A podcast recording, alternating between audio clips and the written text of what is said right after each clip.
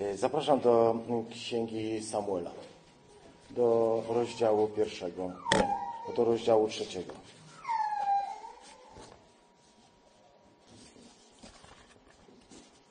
Jak się poła- łapię w no- w notatkach, to będę wiedział. To jest rozdział trzeci, wiersz od 11 do 18, ale jeśli pozwolicie, y, cofnę może do tytułu, tak?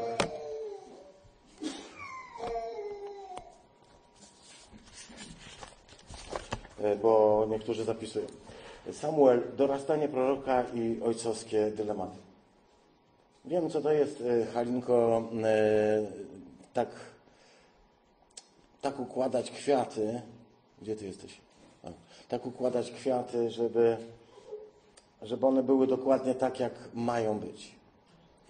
Bo ja tak sobie siedziałem jakieś dwie godziny nad tą jedną ilustracją, którą teraz właśnie przewijam. Pierwsza księga Samuela, rozdział trzeci, wiersz od 11 do 18.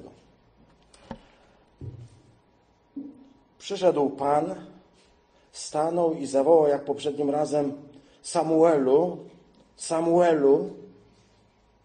I Samuel odpowiedział, mów, bo sługa Twój słucha. I powiedział Pan do Samuela,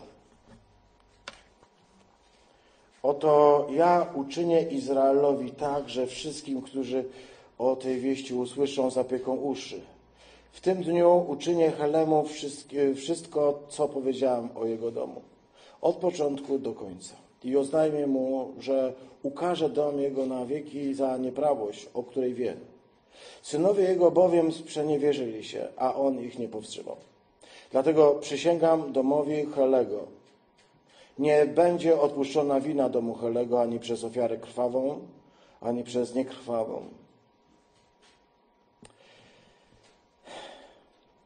Samuel spał do rana. Potem otworzył bramy przybytku Pana. A Samuel bał się opowiedzieć Helemu o tym widzeniu. Heli zawołał Samuela i rzekł: Samuelu, synu mój.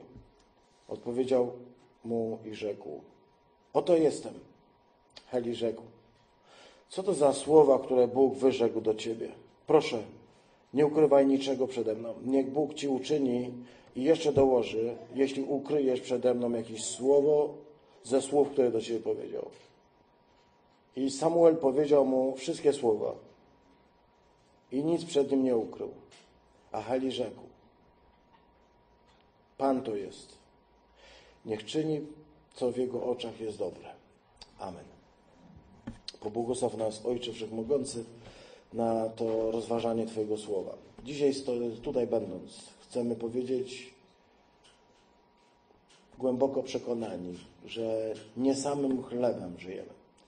Jesteśmy fizyczni i materia jest naszą częścią. Potrzebujemy jeść. Ale jesteśmy także duchowi. Potrzebujemy Twojego słowa jak chleba. Bez niego stajemy się coraz mniejsi, bardziej skurczeni. Dzisiaj znowu wołamy, mów Panie, bo sługa Twój słucha, bo słucha Twoja służebnica. Przemawiaj dzisiaj do naszych serc w imię Chrystusa. Amen. E, Historia, którą dzisiaj odczytaliśmy, jest kontynuacją tego, co było czytane w ubiegłym tygodniu. Za błędy na tekście przepraszam. Tak to jest, jak się pracuje niestety nie o tej porze, co trzeba. E, Historia e, dobrze znana. Y, Wydarzenie y, w świątyni. Miałem okazję mówić o tym, co to poprzedzało, więc jesteśmy, przynajmniej y, niektórzy z nas, wprowadzeni w temat.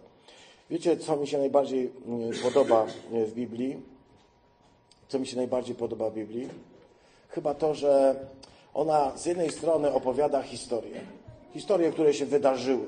Autentyczne historie, Opowiada też midrasze, opowiada przypowieści, ale opowiada także autentyczne historie, które się wydarzyły. I wiecie, to co mnie najbardziej porusza, to to, że to opowiadanie tej przeszłości jest jednocześnie opowiadaniem teraźniejszości. Jest tym, co się dzieje dzisiaj, co się dzieje tutaj. I wiem, że dopóki będzie istniał świat, to słowo przedziwnie nie straci nic na aktualności. Będzie nam ciągle mówić o tym, jakie jest przesłanie dnia dzisiejszego. Bo to słowo nie jest tylko historią, piękną opowieścią tego, o czym, co, co się wydarzyło tysiąc, dwa, trzy czy cztery tysiące lat temu, ale jest czymś, co się dzieje dzisiaj, tutaj, teraz, w moim i w Twoim życiu. I to jest cud Słowa Bożego, za który także chcę Panu Bogu dzisiaj podziękować. Zwróciłem dwa tygodnie temu uwagę na to, nazwałem ten, yy, te swoje rozważanie przebudzenie i dotyczy ona, ono przebudzenia proroka. Mm, Ostatnio jakoś zaniedbaliśmy mm, końcówkę proroka Jeremiasza, ale rozważaliśmy wiele, wiele, wiele tygodni Jeremiasza. E, Może rok temu skończyliśmy. E, To była fajna podróż, cudowna podróż przez tę księgę, przez księgę proroka Jeremiasza. I jakoś dalej mnie e, ci prorocy niepokoją. Chcę o nich mówić. Chcę zobaczyć, co to znaczy być prorokiem, ponieważ wiem, że Bóg nas przygotowywuje do tej misji, bo Bóg chce, aby cały lud prorokował. Musimy się więc nauczyć, co to znaczy być prorokiem, co to znaczy być tym, który przekazuje Słowo Boże.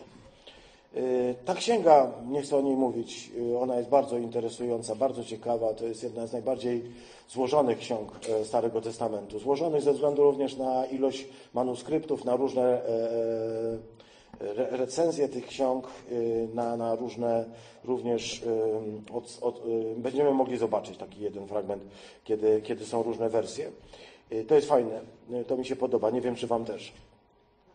Z tej księgi jest y, wiele rzeczy w Nowym Testamencie powtórzonych, albo przynajmniej y, to, co powiedziałem przed chwilką.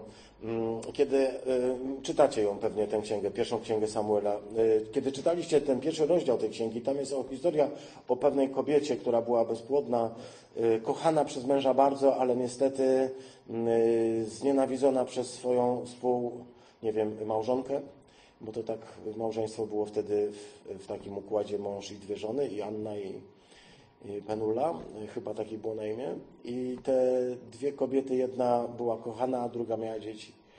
Yy, Kiedy Anna urodziła wreszcie syna, zaśpiewała pieśń, której reminiscencję odnajdę, odnajdziemy później na przykład w Ewangelii Łukasza, kiedy yy, matka naszego Pana wznosi wielkie swoje magnifikat. Tam są bardzo liczne odniesienia do tej pieśni z księgi ksi- Samuela, ale też y, takie zdanie, posłuchajcie. Samuel wzrastał i znajdował łaskę u Boga i u ludzi. Skąd to jest? No, z księgi Samuela. Ale to zawahanie wasze wynika z faktu, że tę frazę znamy z Ewangelii. Ona jest powtórzeniem. Powtórzeniem dotyczącym Jana Chrzciciela, u Łukasza powtórzeniem dotyczącym Jezusa Chrystusa, naszego Pana. E, Czyli księga Samuela była taka bliska, e, literacko e, czerpano z niej wzorce, pisząc. Widocznie jest tak, jak mówiłem, ta księga to nie tylko, nie tylko opowieść o historii, ale o czymś, co się dzieje, co się dzieje dzisiaj i co się dzieje teraz co się dzieje w Twoim i w moim życiu. Bóg każdego z nas kiedyś pewnego dnia przebudził i muszę powiedzieć, że to przebudzenie było czymś najmilszym na świecie, najcudowniejszym, najwspanialszym, ale też e, czymś, co e, może e, dramatycznie pokazało nam rzeczywistość, jaka jest. Macie takie wrażenie, chcę się Was zapytać, że mm, prawdę mu- mówią Ewangelie, prawdę mówi Nowy Testament, że człowiek, kiedy żyje jakby nie y, z Bogiem, żyje bez Boga, mówimy o tym, jeszcze nie jest, nie, nie, nie doszło do jego nawrócenia, ma y, klapki na oczach. To takie łuski, to zasłona jest. Coś takiego mm, żyje, ale nie żyje. Y, Widzi, patrzy, ale nie widzi. Słucha, ale nie słyszy. Ktoś mi powiedział, wiesz, ja całymi latami słyszałem słowo, które było zwiastowane. Całymi latami. I wiesz, jakoś nic do mnie nie docierało. Jakieś ptaki przelatywały i wszystko wydziobały, ale do cna. Ani nic nie zostawiły, nawet ziarenka. Masz takie doświadczenie? Bo o tym mówi Ewangelia. Tak. Niby żyjemy, ale nie żyjemy. Niby patrzymy, ale nie widzimy. Niby słuchamy, ale nie słyszymy. Niby mamy umysł, a nic nie rozumiemy. Mamy serce i jakoś nic nie czujemy w tym wszystkim, chociaż słowo nas może i bombarduje, i ludzie mówią o Bogu. I w pewnym momencie dzieje się coś fenomenalnego, kiedy jakby tama się przerywa i nagle to słowo do nas całą mocą dociera. I wtedy stoję oniemiały z wrażeniem i myślę sobie, jak ja mogłem tego wszystkiego nie widzieć, jak ja mogłem nie słyszeć, jak ja mogłem tego nie rozumieć, jak ja mogłem nie czuć Boga, który tak blisko mnie przez cały czas był. Jak to możliwe? A jednak tak wyglądało moje życie.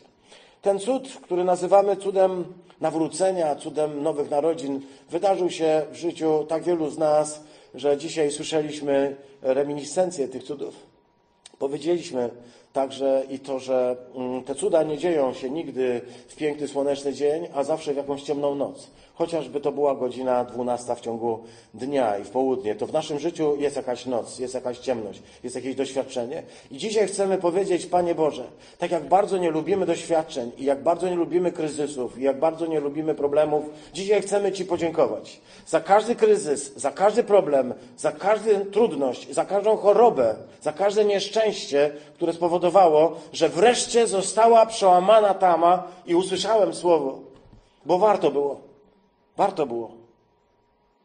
I to jest jedna strona medalu, ale wiecie, medal ma dwie strony. Kiedy przebudził się Samuel, to jego przebudzenie nie było miłe. E, piękne jest, wyobraź sobie taką scenę przez chwilkę, nie mówię zamknij oczy, bo zaśniesz. E, śpisz. E, wyobraź sobie taką scenę Śpisz spokojnie i Bóg do ciebie przemawia i mówi do ciebie po imieniu. Bogusiu. Reniu. Mówi po imieniu. Filipie. Przemku.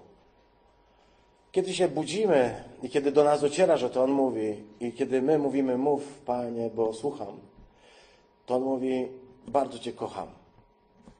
Swojego Syna oddałem za Ciebie. Jestem szczęśliwy, że wreszcie mnie słyszysz, że możemy rozmawiać. To jest piękne, prawda? Ale kiedy Samuel się obudził, usłyszał zupełnie, ale to zupełnie coś innego. To, co usłyszał Samuel, jest dramatyczne. Ja mogę to porównać tylko z czymś, co mi się skojarzyło, kiedy się przygotowywałem do tego rozważania, z przejściem z wieku dziecięcego do wieku młodzieńczego. Jest taki moment, może rejestrowaliście go, może nie, ja się nie znam na, na psychologii, y, na pedagogice, jeszcze mniej pewnie, y, ale chcę powiedzieć, że jest taki moment, taki przełom, kiedy dziecko przestaje być dzieckiem. Kiedy ładny, fajny, y, spokojny świat zamienia się w bezład, chaos, konflikty, kiedy autorytety, które do tej pory dla nas były najważniejsze, może nasi rodzice, stają się ludźmi z wadami, ludźmi, którzy nas nie rozumieją, ludźmi, którzy są zupełnie nie tacy, jak widzieliśmy. Jakby nam też jakieś łuski spadły z oczu. Jest coś takiego w Samuelu, jakieś jego przejście z dzieciństwa do młodzieńczości, kiedy zobaczy, że świat nie jest taki, jakbyśmy chcieli, żeby dzieci widziały. Żeby były bezpieczne na nim, żeby były kochane przez nas, żeby były chronione, żebyśmy mogli powiedzieć: Zobacz, e, synu, zobacz, córko, to wszystko jest dla ciebie, to wszystko jest piękne, zobacz, jak Pan Bóg cię kocha. Przychodzi taki moment, kiedy człowiek dostrzega istnienie bezładu, chaosu, grzechu. Dostrzega konflikty, a nawet wady osób, które są bez wad, czyli rodziców. Może to oznaczać także odejście od takiego stylu życia e, lekkiego, takiego, wiecie, bardzo przyjemnego, takiego życia, w którym żyjemy sobie, w którym e, jakby mm, e, płyną lekko, pięknie dni, bo wszyscy o takich marzymy. Ja mam takie marzenie. Kiedyś.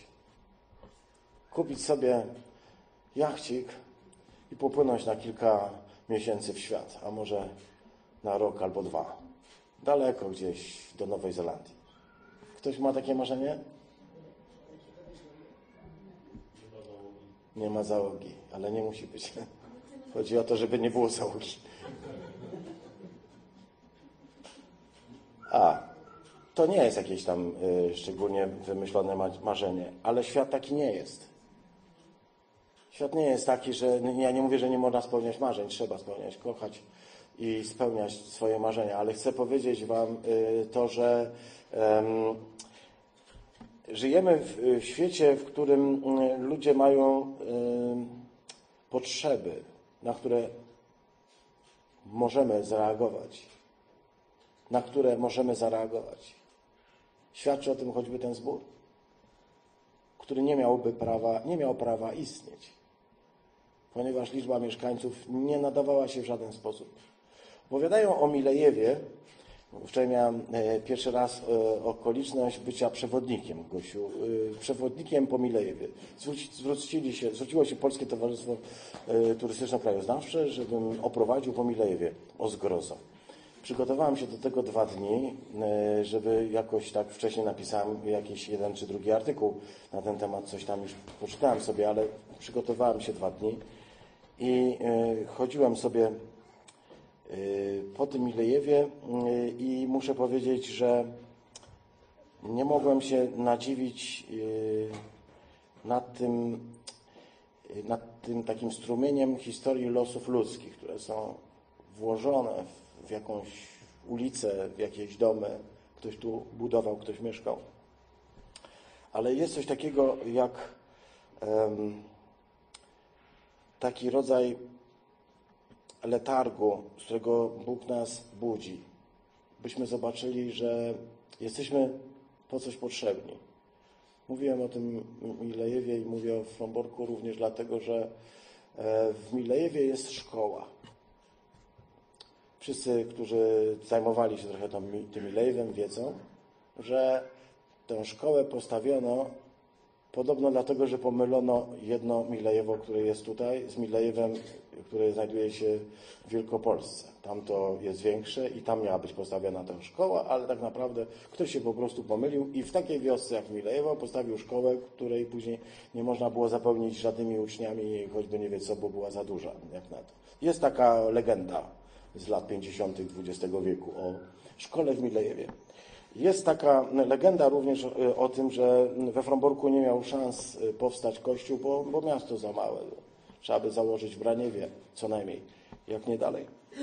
Chcę powiedzieć, y, że to właśnie Bóg, który nas budzi z letargu, powoduje, że jesteśmy tutaj i że pewne rzeczy mogą się dziać w naszym życiu. Że ktoś mógł spotkać Chrystusa 21 lat temu, czy 22, czy 5, czy, czy może 3 lata temu, czy w tym roku mógł spotkać Chrystusa, dlatego że Wam się chciało wyjść z domu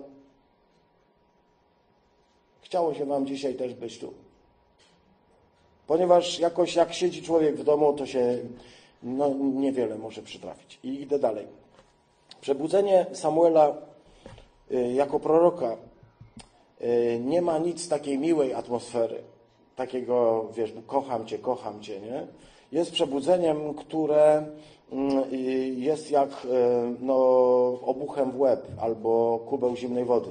Bo to, co słyszy Samuel, to słowa, które mówią o tym, że mm, otóż Pan Bóg jest zdruzgotany tym, co się dzieje na świecie.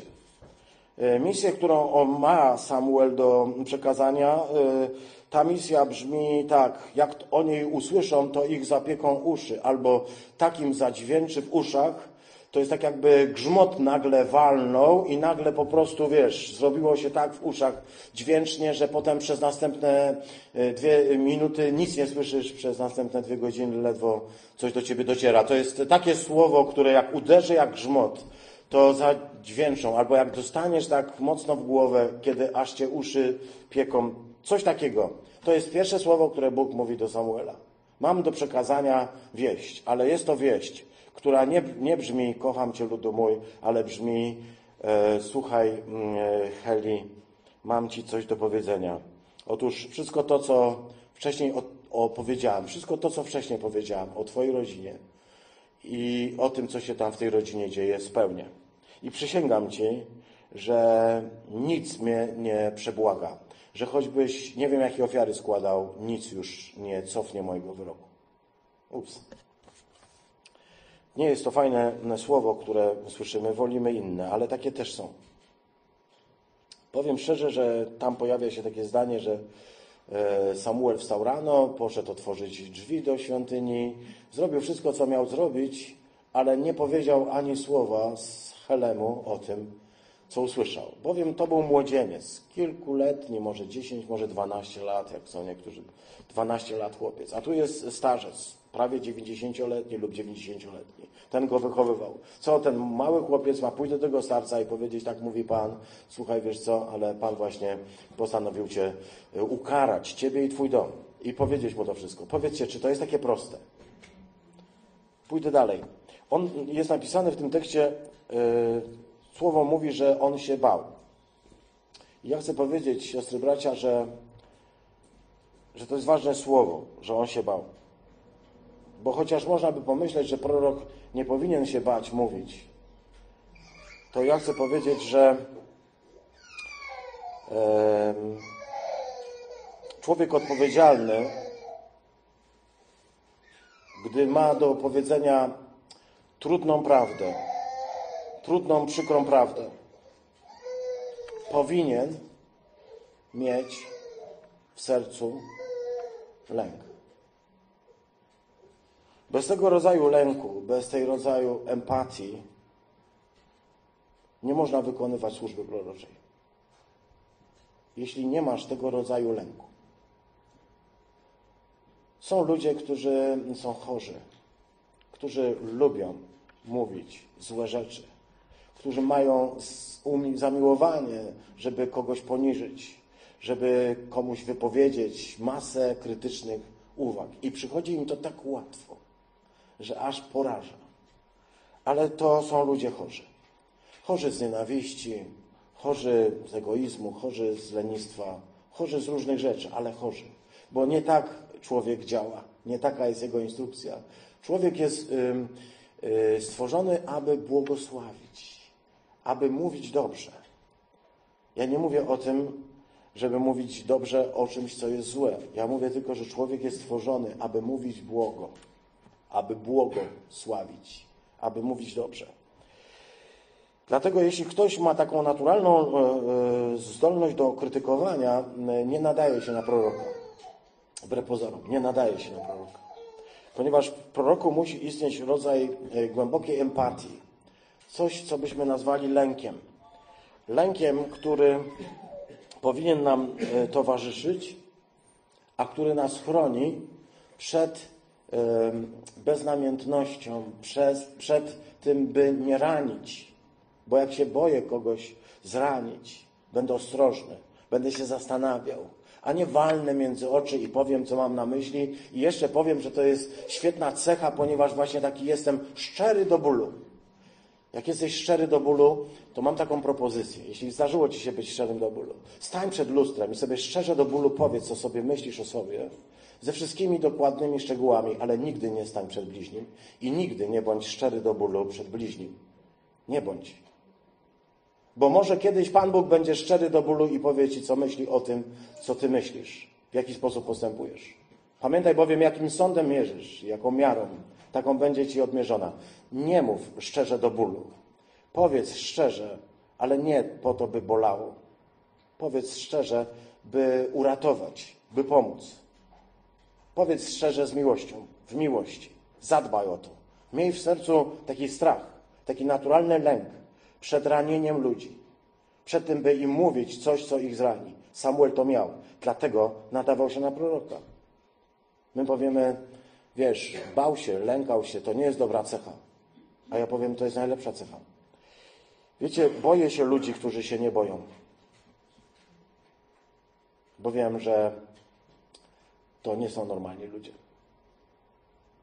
Jeśli ktoś spina się wysoko E, w Himalajach y, i rozmawiam się z nim i się go zapyta, czy ty się boisz, to on mówi, gdybym się nie bał, to bym nie żył.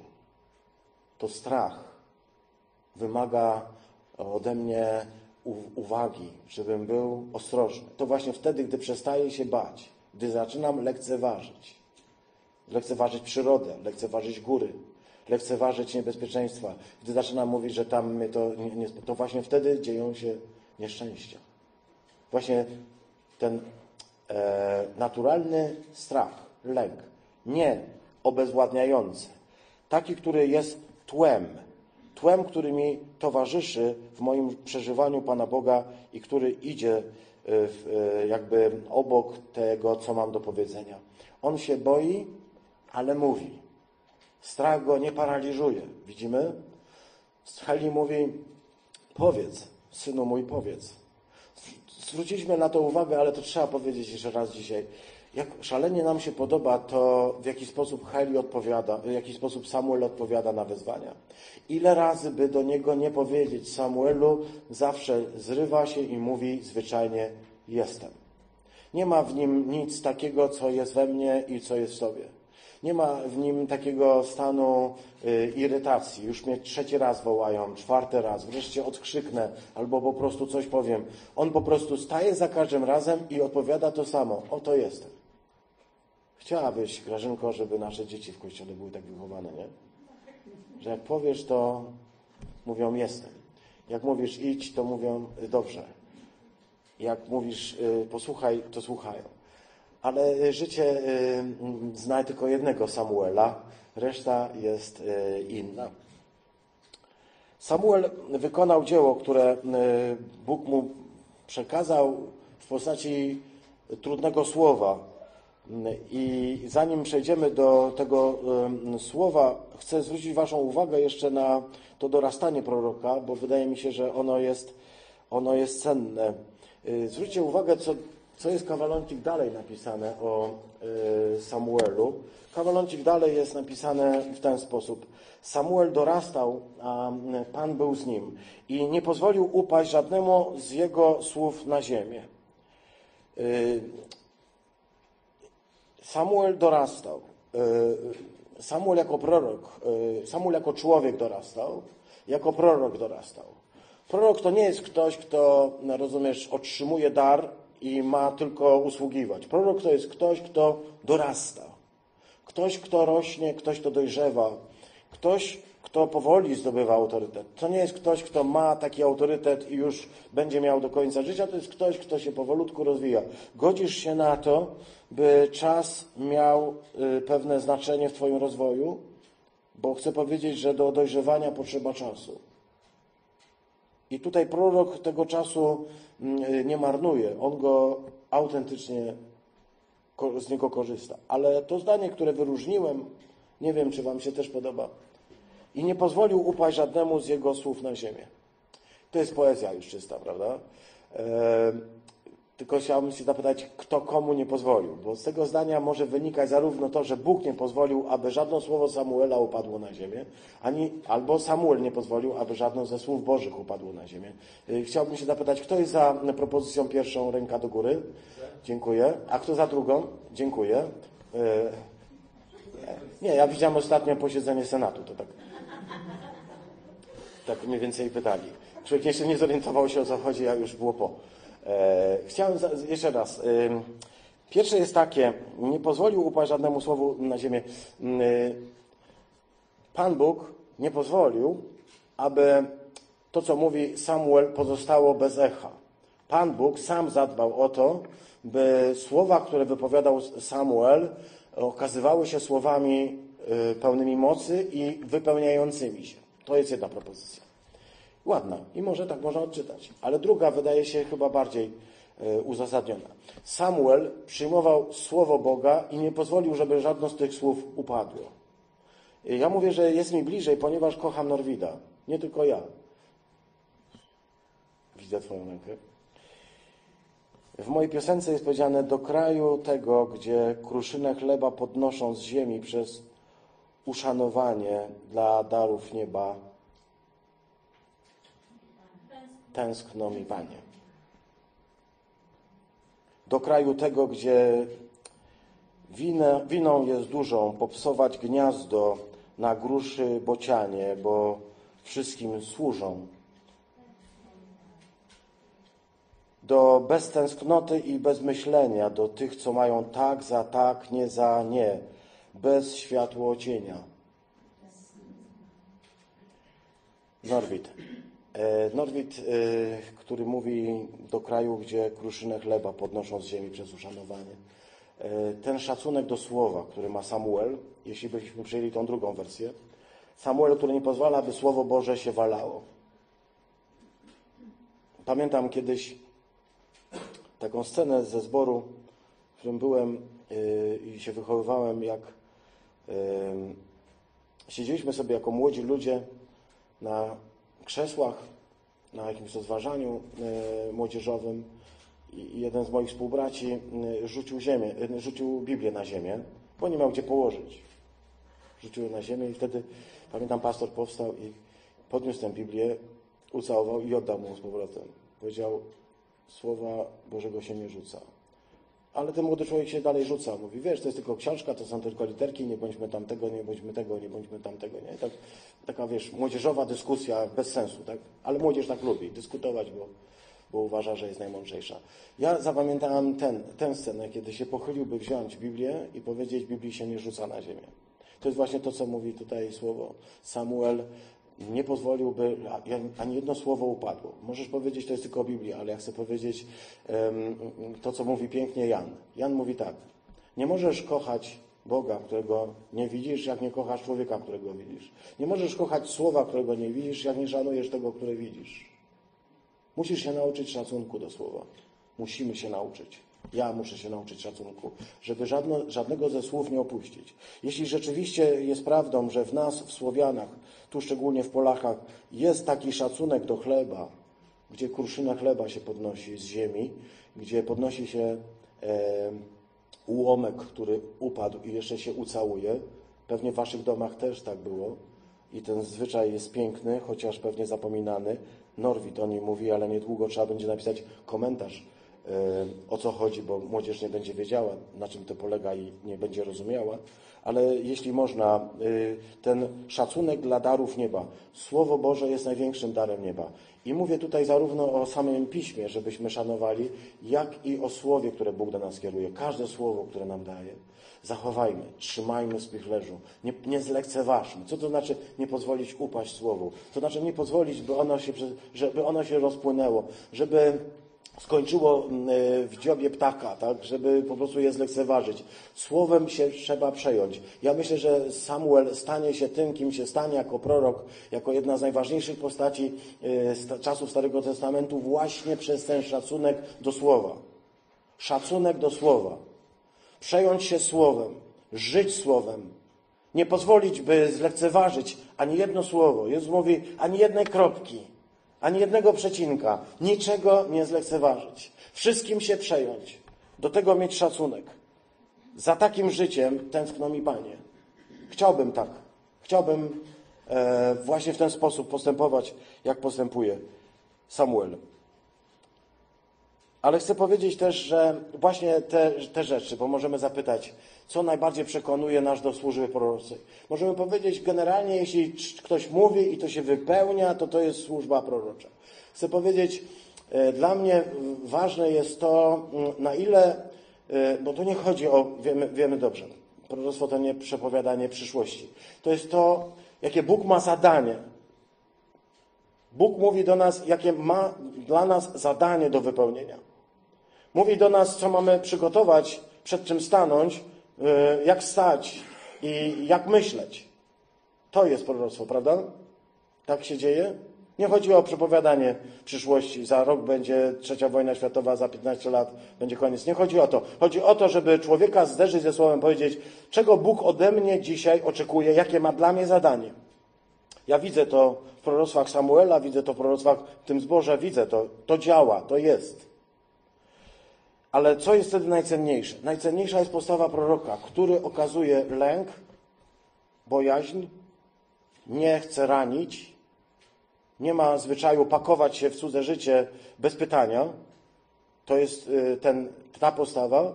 I jeszcze ten szacunek do słowa, tak? Byśmy to zebrali razem, mielibyśmy coś takiego, co powoduje, że właśnie, ale tutaj jest taki brak, bo czytamy, że w dalszym ciągu Pan objawiał się w Shilo Pan mu się ukazywał w Shiloh, że to nie było jednorazowe wydarzenie, że to nie był jednorazowy przypadek, że tutaj Bóg mówi i mówi i przemawia i przemawia dalej. A to słowo Samuela docierało, albo dosłownie było, ale to znaczy wypełniało się dla całego Izraela. Czyli to nie było już tylko słowo dla Hellego, to nie było tylko słowo o ich synach, ale zaczyna ta służba się rozwijać, tak bardzo się rozwijać, że zaczyna docierać do całego Izraela. Ale na dwie rzeczy zwrócę Waszą uwagę, jeśli pozwolicie bo możemy to słowo, ostatnie zdanie, to, to zdanie przetłumaczyć. Pan nadawał, nadal okazywał, ukazywał się w Shilo, objawiał się Samuelowi w Shilo w swoim słowie. Dosłownie tak można by też przetłumaczyć. Czyli Bóg objawia się w swoim słowie. Bóg objawia się w przyrodzie, Bóg objawia się w różnych wydarzeniach, Bóg objawia się w relacjach między nami, ale najpełniej Bóg objawił się w, słowie. Bóg objawił się w swoim słowie. I jak myślę sobie, y, Szymonie, jeśli jest jakaś definicja wszystkiego, bo myślałem sobie jakiś czas temu, to ja tę definicję, y, ja tej definicji nie znam. Bo nie wiem, czy może mm, Heller zna, ale ja jej nie znam. Natomiast ja chcę powiedzieć, znam Bożą definicję słowa wszystko. I ta definicja brzmi logos. Słowo. Chrystus. To jest wszystko. To jest definicja Pana Boga. Dlatego to by e, trwać w tym słowie, żeby Bóg, bo, można doświadczać Boga w Bożym Słowie. Tak? To, to jest cenne. Ale zobaczcie, jeszcze powiedziałem, że y, mamy też pewne warianty. I tutaj jest taki wariancik z Septuaginty, który wprowadza w ten mm, czwarty rozdział tego nie ma w waszej Biblii, w naszej Biblii warszawskiej, ale to się znajduje w Septuagincie. Heli był bardzo, bardzo stary. Tymczasem jego synowie trwali w, w, złu, w złym postępowaniu przed Panem. Możemy powiedzieć tak najprościej. Heli był bardzo, bardzo stary, a jego synowie byli bardzo, bardzo źli. Im bardziej on się starzał, tym oni się zrobili gorsi. Po prostu to wspomina, to wspomina tutaj autor. I jeśli pozwolicie, jeszcze dwa zdania na temat Shilo, bo ja mówię Shilo, Shilo tydzień temu, dwa tygodnie temu o tym mówiłem, ale jeszcze raz wspomnę. E, Shilo, jeśli mamy Izrael, tak, nawet po hebrajsku napisane, taką znalazłem mapkę, wystarczy poszukać kilka godzin i się znajdzie, tylko że trzeba po prostu trochę czasu spędzić. Izrael, Morze Martwe, Morze Galilejskie, biegnie Jordan, Shilo. Shilo znajduje się, jakbyśmy powiedzieli, w centrum, tak?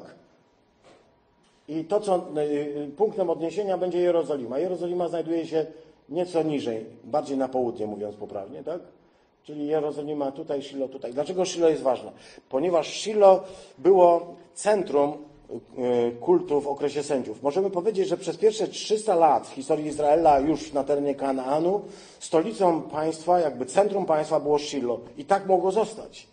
Nie Jerozolima, ona nigdy by się nie stała tym, czym się stała, gdyby nie upadek Shiloh, ale Shiloh było takim miejscem, które było uważane za najważniejsze.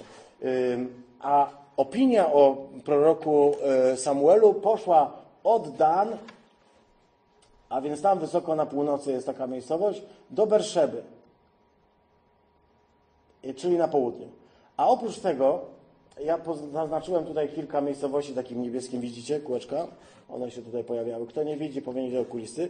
Y, takie, takie niebieskie kółeczka zaznaczyłem, ponieważ y, my w czwartki analizujemy sobie drogę naszego kochanego ojca Abrahama i y, w tej drodze on wylądował w Sychem, w tym miejscu, a potem w Betel i Aj, a potem w Hebronie. Jak widzimy, te miejscowości są bardzo blisko siebie położone. Zresztą od Dan do Berszeby jest jakieś 250 kilometrów. To jest mniej niż stąd do Warszawy, tak?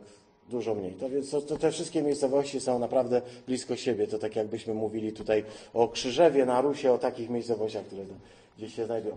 Ale jeszcze jedną miejscowość wyświetlę, mianowicie e, Rama. Rama to jest miejscowość e, urodzenia e, samego Helego, przepraszam, samego Samuela. E, stąd pochodził jego ojciec Elkana i stąd będzie pochodził potem Józef z Arymatei, bo to jest ta sama miejscowość. E, nie wiem po co komu taka wiedza, ale pomyślałem sobie, przyda nam się na następny tydzień, jak Bóg pozwoli. E, a może za dwa tygodnie. Za tydzień coś innego byśmy zrobili. Ja, ja bym zwrócił Waszą uwagę, ale poszedł jeszcze kawaloncik dalej, żeby nie nudzić.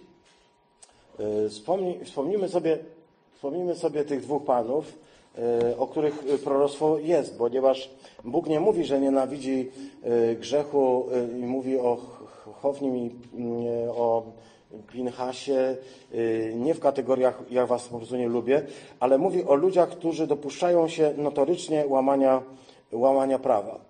Kim są synowie Helego?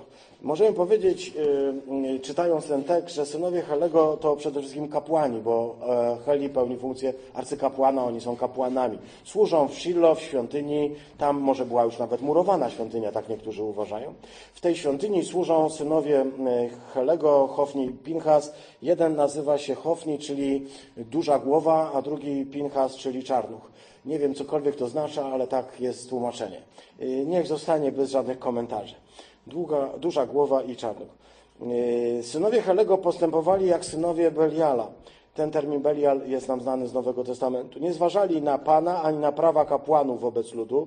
Za każdym razem, gdy ktoś składał ofiarę krwawą, E, to przychodził sługa kapłana z trójzębnym widelcem w ręku i jeszcze kiedy gotowano mięso, wkładał widelec do kotła, do garka, do rondla, do misy i co tam miał, wydobył i zabierał do kapłana. Czyli zanim jeszcze ofiara została spełniona, on już grzebał w garku widelcem. Nie wiem, jak wam się podoba. Mamy zawsze dają po łapach dzieciom, które y, jakby jeszcze w trakcie roboty już coś tam próbują tego. No więc ludzie się denerwowali, bo to jest naturalne. Przychodzi sługa kapłana, wszyscy wiedzą, że to jest sługa kapłana i z taką manierą na twarzy, że mu wszystko wolno, po prostu grzebie swoim widelcem w rondlach, w garkach, w misach, w kotłach, w których się gotują rzeczy na ucztę dla Pana. Przypomnę bowiem, że część, część tego wszystkiego, co y, składano w ofierze, to po prostu składano i palono, a drugą część, większą część, mięso, wrzucano do kotła, gotowano lub pieczono i tę część y, zasiadała rodzina potem i spożywała coś, co byśmy nazwali taką komunią, y, takim wspólnym obiadem, posiłkiem, świętym posiłkiem. A tymczasem kapłan przychodzi i sługa kapłana przychodzi, on sobie wybiera, co chce. sługa kapłana ma prawo to zrobić, ale po pierwsze, jak wszystko już jest przygotowane, a po drugie, do konkretnych elementów. Do łopatki, do mostka mm, zwierzęcia lub do szczęki, bo takie były uprawnienia. Natomiast on bierze co chce. I to jeszcze zanim ofiara zostaje spełniona. I to by było pół problemu. Drugi problem jest taki, że kiedy palono na ołtarzu tłuszcz, to on już, zanim ten tłuszcz jeszcze się wypalił, to on już odkrajał mięso, mówi, kapłan życzy sobie surowe, on nie będzie twojego gotowanego jadł, bo chce sobie zrobić grilla. Przyjaciele przyjechali. Przychodzi i, i zabiera. I ten mówi, zaraz, zaraz dam ci, tylko pozwól, że spełnię ofiarę. A on mówi, słuchaj, jak mi nie dasz, to zabieram siłą. Yy, fikasz? I znam tu kapłana. Wiesz, co się stanie? Dobra. Czy to jest znowu taki wielki grzech, siostry bracia? Od impertynencja, brak kultury, nawet byśmy powiedzieli chamstwo. Ale czy to grzech? Na końcu jest napisane to zdanie, które nas porusza. Grzech był bardzo wielki, ponieważ ludzie przez te działania zaczęli lekceważyć ofiary. Zaczęli lekceważyć ofiary. Jeśli widzę, że kapłan zaczyna się zachowywać jak kawał zamordysty, który nie szanuje, który wyrywa mi na siłę coś, czego ja jeszcze nie zdążyłem ofiarować Panu Bogu, a on już mi z gardła wyciąga, to chcę powiedzieć, czy ja mam ochotę uczestniczyć w takim kulcie. Albo czy ja nie mam poczucia, że skoro kapłan tak robi, to Bóg, Bóg, Bóg tego kapłana taki jest. Ta postawa kapłanów jest postawą, która nas przekonuje do tego, że rzeczywiście to jest wielki grzech. Siostry, bracia, patrzycie się na człowieka, który e, nosi ciężar pastorstwa od 26 lat. Ale Bogu dziękuję za to, że nie jestem w tej wspólnocie e, kapłanem. Bogu dziękuję za to, że to słowo odnosi się nie tylko do mnie, ale i do Was. Ponieważ taką mamy teologię, zgodną ze Słowem oczywiście, która głosi, że my jesteśmy kapłanami. I teraz y, w związku z tym spróbujmy sobie to przyłożyć na nasz język, bo to y, jest tak, jak ludzie na nas patrzą i widzą, w jaki sposób się zachowujemy, to rysują sobie swój obraz Pana Boga. Jak patrzą na nas, tak wyobrażają sobie Boga, którego głosimy. Jezus mówi, miłujcie się nawzajem, bo jak będziecie się miłowali, ludzie będą to widzieć, to będą chwalić Ojca. To ludzie będą pytać, skąd macie to, że potraficie tak się umiłować. I będziecie mogli powiedzieć, to Bóg dał. I będziecie świadkami. Natomiast oczywiście możemy się zachowywać w ten sposób lub tak jak zachował się Hofni Pinchas. To, to byli kapłani, którzy dopuścili się absolutnej zbrodni, absolutnej zbrodni, przez to właśnie, że lekceważyli, że podchodzili y, do tego wszystkiego w taki sposób, jak podchodzili. No i musimy powiedzieć, że to nie jest oczywiście wszystko. Y, tata przyszedł, y, upomniał, bo tam oni robili jeszcze inne rzeczy. Pozwólcie, że nie będę tych rzeczy omawiał. Warto sobie poczytać długi rozdział Księgi Samuela. Y, Heli się zestarzał, y, bardzo się zestarzał, czytamy w drugim rozdziale i dowiedział się o tym wszystkim, co zrobią synowie. Nie tylko te rzeczy, on dowiedział się także o innych świństwach, które robili, przepraszam za wyrażenie w Kościele, o innych grzechach, których się dopuszczali i tamte grzechy były równie ohydne i fatalne, jak te, które tutaj widzieliśmy.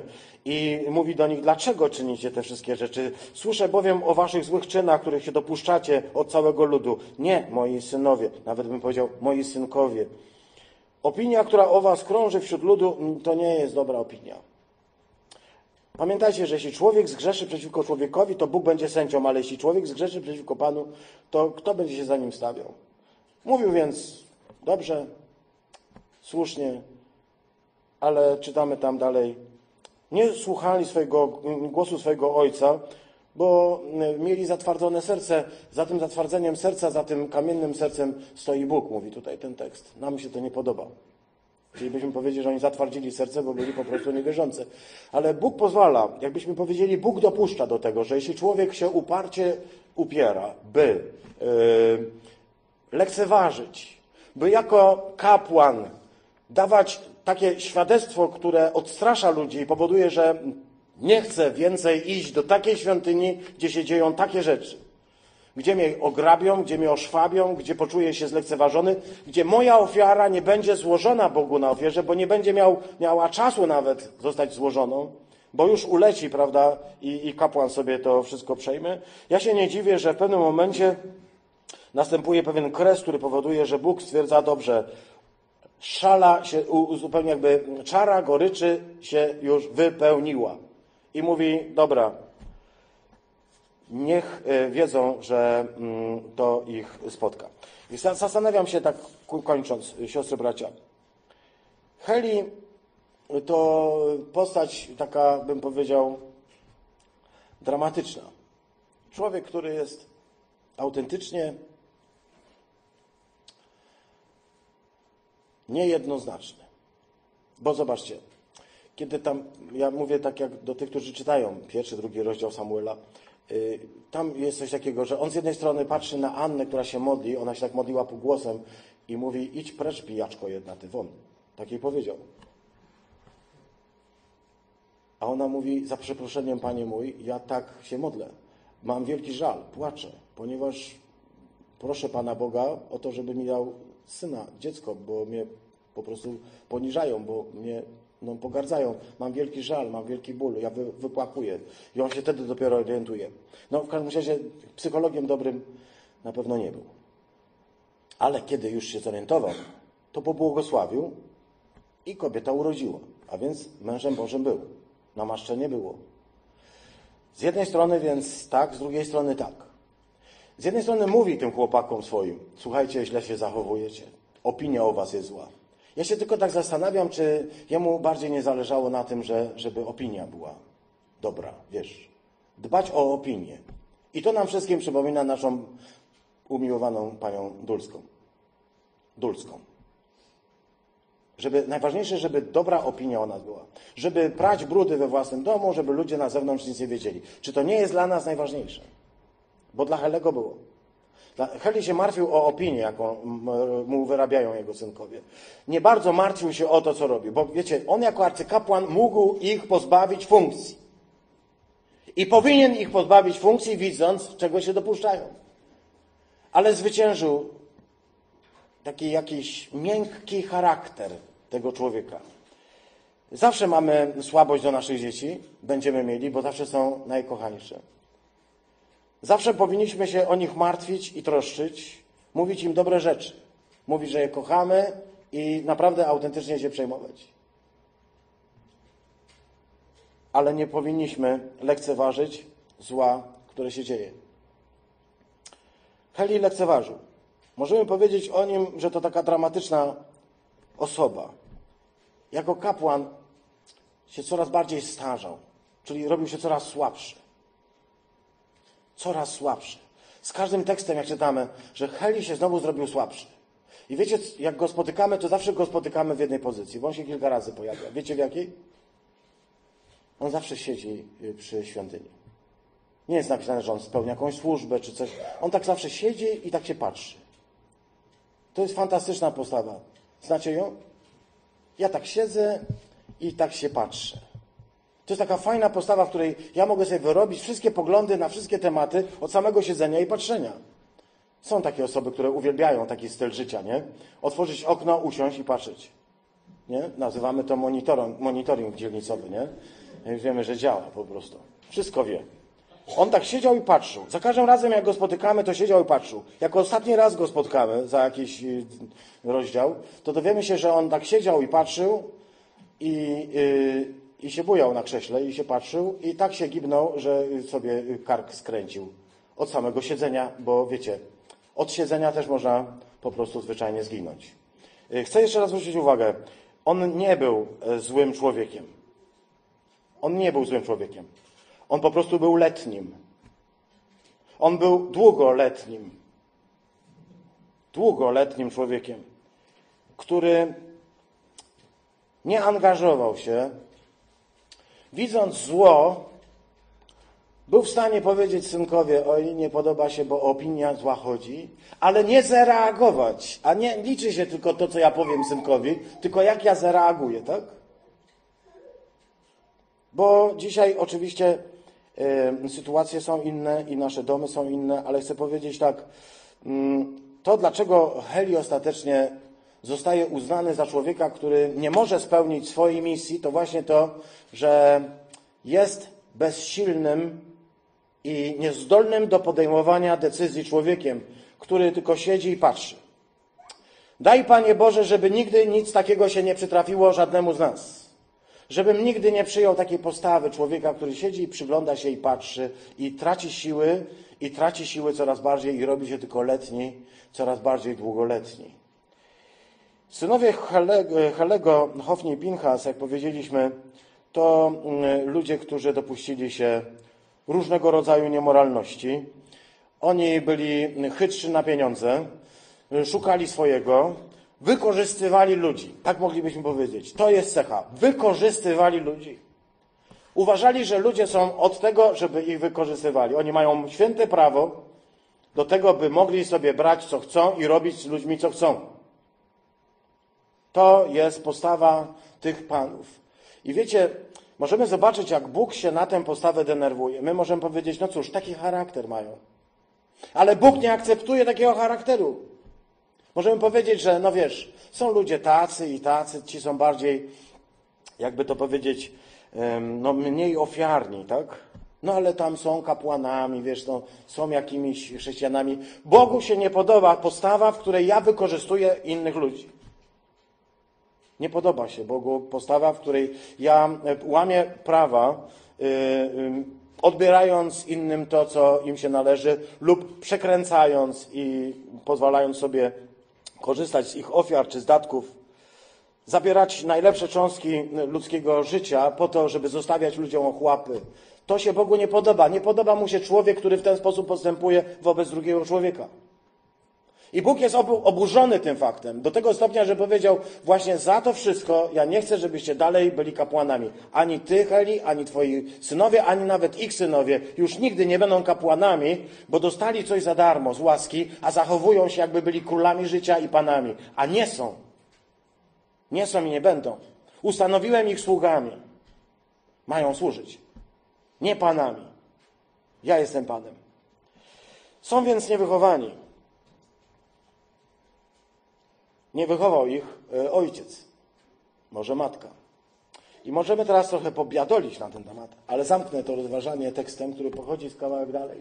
Jest to tekst, który e, pochodzi z 12 rozdziału. No nie, z 8 rozdziału, przepraszam, e, od pierwszego do piątego wiersza. Musimy go przeczytać z szacunkiem głębokim, ale i uważnie, bo tekst jest szczególnie cenny. I stało się, że gdy Samuel się zestarzał, ten Samuel, pamiętacie? Ten miły chłopiec, się zestarzał, ustanowił sędziami nad Izraela swoich synów. Y, pierworodny syn jego miał na imię Joel, czyli Jahwe jest Bogiem. Nie jakiś czarnuch czy dużo głowy, nie? tylko porządne imię dał, chrześcijańskie. A drugiemu na, na imię Abijasz. Moim ojcem jest mój Bóg. Oni sądzili w Berszebie. Wiemy, gdzie jest Berszeba, bo pokazywałem na mapie. Ale synowie jego nie chodzili jego drogą, a podążali za własną korzyścią, przyjmowali podarunki, czyli brali łapówki i, wypłac- i wypaczali sądy. Zebrali się starsi Izraela, poszli do Samuela do Ramy. Czyli Samuel wrócił do domu, krótko mówiąc, gdybyśmy chcieli. Shilo się rozpadła, a Samuel wrócił do domu. Yy, I powiedzieli, powiedzieli mu, oto ty się zestarzałeś, ale synowi twoi nie chodzą twoimi drogami. Ustanów nad nami króla, aby nas sądził, tak jak we wszystkich narodach. To jest następny e, e, e, etap. Ja chcę zamknąć to rozważanie taką myślą, jedną myślą, siostry bracia. Łatwo jest krytykować wychowanie dzieci. Łatwo jest powiedzieć, jak się popełniło błędy, yy, jak inni popełnili błędy, tak?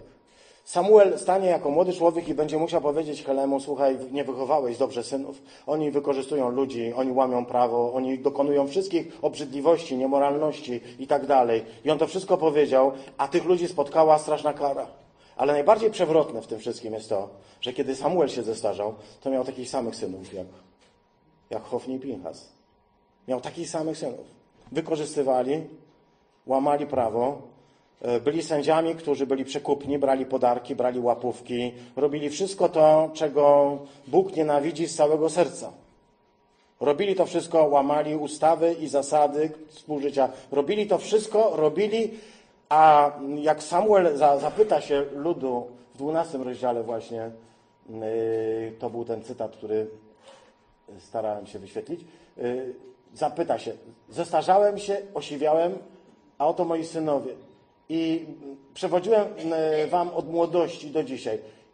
Jestem, oskarżyjcie mnie przed Panem i przed Jego pomazańcem. Czy wziąłem kiedyś od kogoś wołu?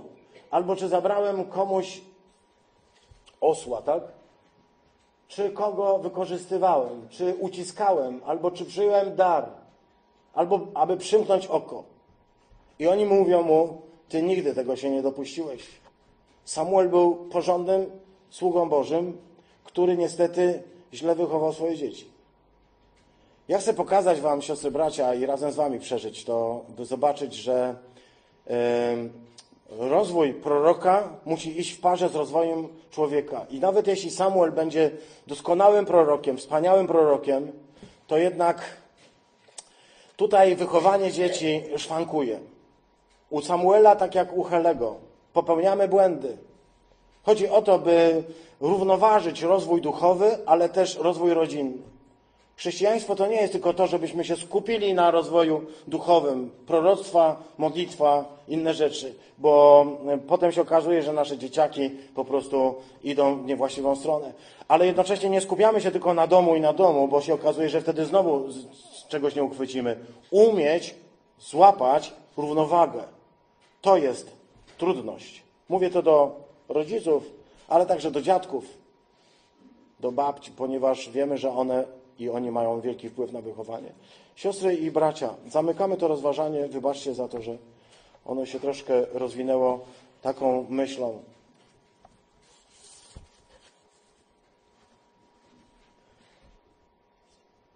Nastaje nowy czas. Kończy się era Helego, kończy się era Shiloh. Bóg ma już nowy plan ponieważ jego cud polega na tym, że kiedy widzi zamknięcie pewnego etapu, to już wie, jaki będzie następny.